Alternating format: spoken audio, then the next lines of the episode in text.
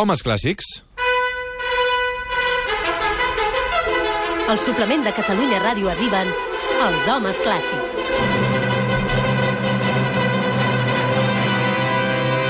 Ready, set, go! Vinga, va. Però que no era la primavera. recuperat... Sí, haurem de recuperar la primavera aviat, Ah, eh? la primavera, no? Mestre Pardo i Albert Galceran, com esteu? Bon dia. Ben Molt bé. atentament enganxats avui a la ràdio des de primera hora, escoltant aquest reportatge, El Nebressol d'Exiliats, un reportatge que, recordem, us pot recuperar a través del nostre web, eh, suplement arroba catradio.cat. No, això és... Això és el Twitter, no? Això és el Twitter. El, no, el mail, no? Això és el Suplement mail. arroba catradio.cat és el mail. catradio.cat barra el suplement, allà el trobareu, i a més a més hi ha un munt de missatges de les xarxes que ens feliciten. Moltes, moltes gràcies a tots els oients que ens han seguit, molta gent que ha trucat emocionada també. Evidentment, tothom té històries personals relacionades amb, amb l'exili republicà eh, de fa 80 anys, dilluns fa 80 anys que es va acabar la Guerra Civil, hem fet aquest recorregut. Hi havia un missatge a Twitter que ens ha cridat l'atenció i que vosaltres l'heu replicat, um, dient que uh, precisament a la maternitat d'Elna hi havia relació amb una òpera. De què va això? Una òpera que es va estrenar el passat mes de gener, es va estrenar a la Garriga. Sí, es tracta d'un- d'un d'un treball de final de carrera del Martí Carreras, justament, d'un estudiant de, de música, que, animat per l'Alfons Reverter, el seu mestre, Sí. doncs va decidir fer una òpera eh, amb aquest tema, amb el tema de la maternitat d'Elna, i el va estrenar al Teatre La Garriga, doncs amb, amb l'orquestra de La Garriga, i amb un cor, un cor infantil mm. i solistes. I el proper 18 de juny es tornarà a representar, en aquest cas serà, però, al Museu Marítim de Barcelona, i els diners que es recaptin, serà el 18 de juny a les 9 de la nit, eh, aniran a les persones refugiades. Per tant, a més a més, amb finalitat solidà- solidària. Per tant, 18 doncs de juny, queda apuntat, Museu també era molt Marítim. interessant aquest missatge, també era molt interessant, eh, de fet hi vam treballar molt amb la banda sonora d'aquest reportatge, cançons que no sonaven perquè sí, hi havia cançons de tota mena, cançons d'ara, cançons d'abans, però tampoc hem volgut Com més important la música, eh? I no caure en el tòpic de la cançó protesta, que era el més fàcil a l'hora de fer un reportatge com aquest, sinó que hem posat cançons d'ara. Ha sonat Rosalia, ha sonat Ferran Palau, ha sonat uh, Josh Rose, vull dir que han sonat cançons...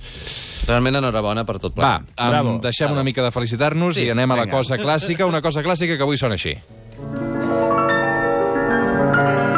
I és que sona el piano perquè ahir va ser el Dia Internacional del Piano. Exacte. I fixa't, eh, Roger, la passada setmana es va fer el concurs... Bé, bé, es, el concurs Maria Canals va instal·lar-nos un piano aquí a la porta Exacte. de Catalunya Ràdio i demà a la tarda sent, no? demà a la tarda se celebrarà la, la semifinal del concurs al Palau de la Música Catalana. Per tant, avui, òbviament, la cosa ha d'anar forçosament de pianos. Sí, sí. I si et sembla, comencem parlant de qui va ser precisament Maria Canals. Clar, la Maria Qui era Canals. Maria eh? Canals? Sí, sí, la, clar, com suposeu, imagineu, va ser una pianista.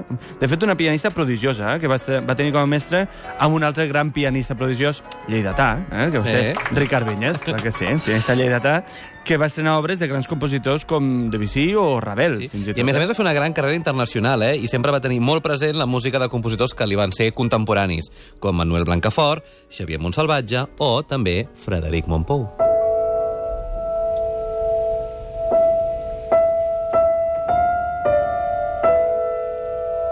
Aquesta és la música callada eh, de Bonica que és, Frederic eh? Montpou, que a més a més és justament això, una música callada. Eh?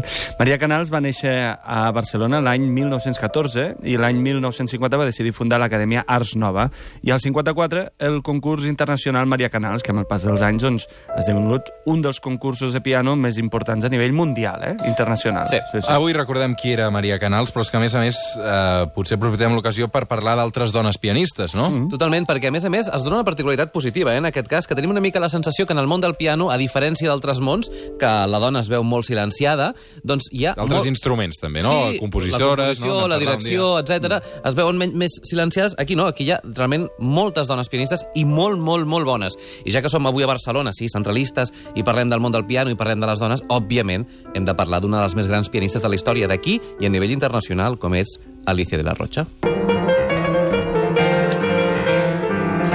Dir que a mi, amb la meva dia. carrera... Puja, puja, puja. Això és meravellós. Aquesta la vaig estudiar jo i tot. Com ho Ah, creus? Que la vas Manuel de estudiar? Falla, això era. Sí, i tant, i tant. Sí. La vas estudiar tocant? El amor No. brujo. Ah, Però aquesta, jo l'escola, eh, o sigui, jo música no n'he estudiat mai, només l'escola l'ensenyament obligatori, i jo crec que me'n van parlar molt del, De l'amor ritual, del, del, ritual del foc, no? Molt bé, Sí, senyor, molt, senyor. molt bé, que el toqui Alicia de la Rocha. Jo el que us volia dir és que a a la meva carrera de piano el més important han sigut professores dones, eh? Vull dir que jo, jo he tingut grans pianistes dones que m'han ensenyat doncs, tot el que sé pràcticament de, com, a, com a pianista. Eh, Alicia la Rocha va néixer a Barcelona l'any 23, 1923, eh? i va ser alumna de Frank Marshall, el qual era alumne del compositor Enric Granados, per cert, un altre lleidatà. Eh, per tant, significa la continuació de la tradició musical catalana, eh? però, a més, amb projecció internacional gràcies a la seva gran quantitat, eh, qualitat perdó, interpretativa. En el món de la música molt habitualment parlem de nens prodigi, doncs la Rocha, mm. Alicia, la Rocha també ho va ser, una nena prodigi en aquest cas. Va començar a estudiar música als 3 anys. Als 6 va fer el seu primer concert en públic, 6 anys, eh? I als 11 el seu primer concert amb orquestra, acompanyant una orquestra. No està gens malament. No, gent, no? Espectacular. I d'aquella mateixa generació és la següent protagonista pianista, és Rosa Sabater.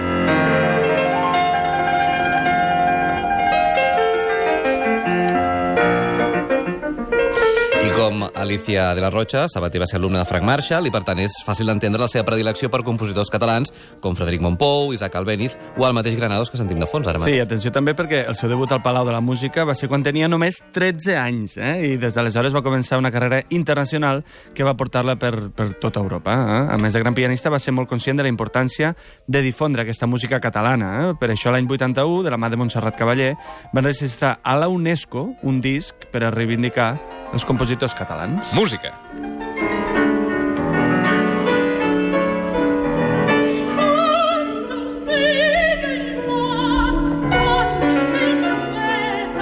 Aquest és el lead L'ocell profeta, eh? que és el que acaba de dir la Montserrat Cavaller, amb música d'Enric Granados, interpretat, doncs això, per la Cavaller i per Rosa Sabater l'any 81. A la UNESCO. I si ampliem encara una mica més la mirada a la resta del món, dones i piano també han tingut una bona relació. Boníssima, perquè trobaríem molts exemples extraordinaris de grans pianistes i una que al Pedro i a mi ens agrada moltíssim mm. com interpreta moltes obres al piano, es diu Marta Argerich.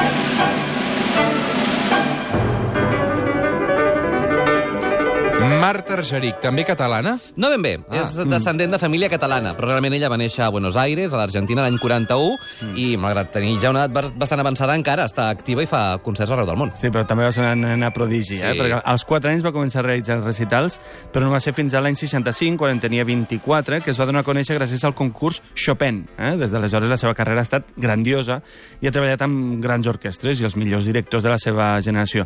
Els seus compositors predilectes són Beethoven, Chopin, Ravel, que són els que mm. bueno, ell ha treballat més. Mm. Mm -hmm.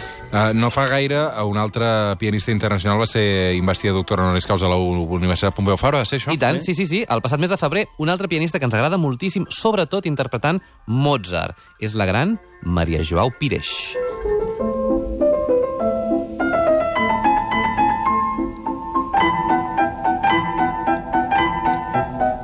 Què té aquesta Pires que la fa tan bona pianista? Doncs mira, com deia l'Albert, hi ha una certa unanimitat en considerar-la una de les millors intèrprets d'obres de piano de Mozart, eh? per la seva diguéssim, perfecció tècnica, eh? I, i, clar, per la capacitat de donar ànima a qualsevol obra, per exemple. Són, són intèrprets. Sí, clar, són intèrprets. Mira, fixa't com n'és de precisa interpretant el concert per a piano número 23 de Mozart.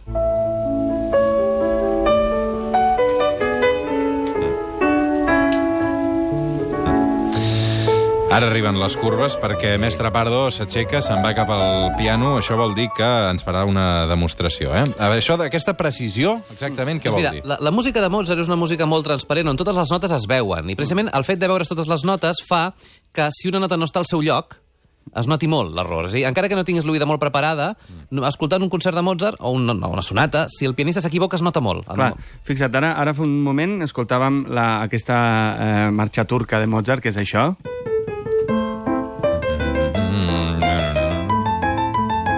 Això, que ho estava tocant la Maria Jo Pires, molt millor que jo. Però fixa't, és, eh, com diu l'Albert, és, és una cosa molt clara, no? Tita tota to, tita tota to. Eh, si jo toqués, per exemple, una obra de Chopin, ja veuràs, semblarà com una mica més eh, neguitosa. Mira, mira.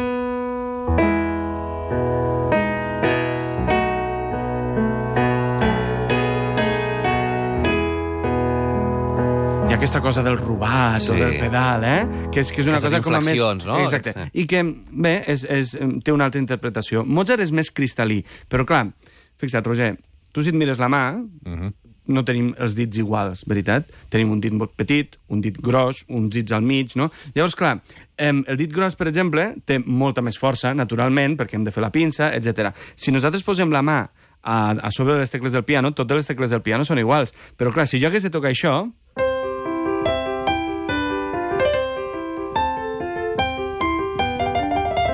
Fixa't, la mà esquerra que fa això...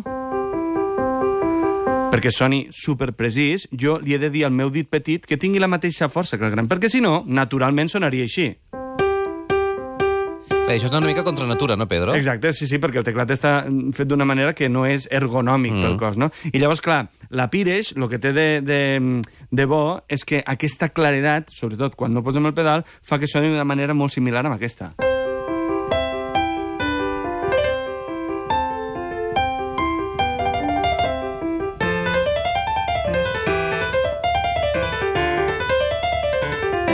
Has vist? Jo m'he equivocat amb una mitja nota i s'ha notat. Es nota, sí, sí. Amb la Pires no es notaria. Clar, perquè realment és una molt bona, molt bona intèrpret. Quin fantàstic exemple que ens fa sempre el mestre Pardo quan entra al piano. Una cosa tan senzilla com això, que les notes es notin o no es notin a l'hora d'interpretar en aquest cas Mozart. Doncs Pires i Argerich tenen ja les dues més de 70 anys. Per tant, és important també fixar-se en les noves fornades i afortunadament de dones pianistes n'hi ha i de molt bones, com per exemple la xinesa Yuga Wang.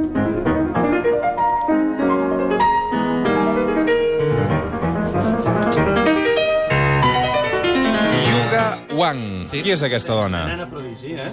Perquè, sí, sí, un altre exemple de nena prodigi que als 6 anys ja tocava el piano, eh? S'ha format al seu país, però també al Canadà i als Estats Units. I només amb 21 anys ja feia els gires internacionals, amb una posada en escena realment enlluernadora. Hauríeu de veure els vídeos Busqueu-la, sí, de Yuha sí. Wang, eh? Perquè ella brilla especialment amb el repertori més difícil, més virtuós, amb compositors com Prokofiev o Rachmaninov. Totalment. Avui amb els homes clàssics ens han portat dones clàssiques al piano, mestre Pardo i Albert Galzeran. Demà ens escoltem, no? A quina hora? Catalunya Música, a les 10? Demà a les 10 de la nit, sí, Què heu sí. preparat demà? Demà parlarem de Verdi, però un Verdi una mica diferent, eh? perquè és un Verdi sense òpera. És un verdi que a mi m'agrada perquè no té òpera. No ens ho perdem. Gràcies, clàssics. Fins ara. Adeu. El suplement amb Roger Escapa.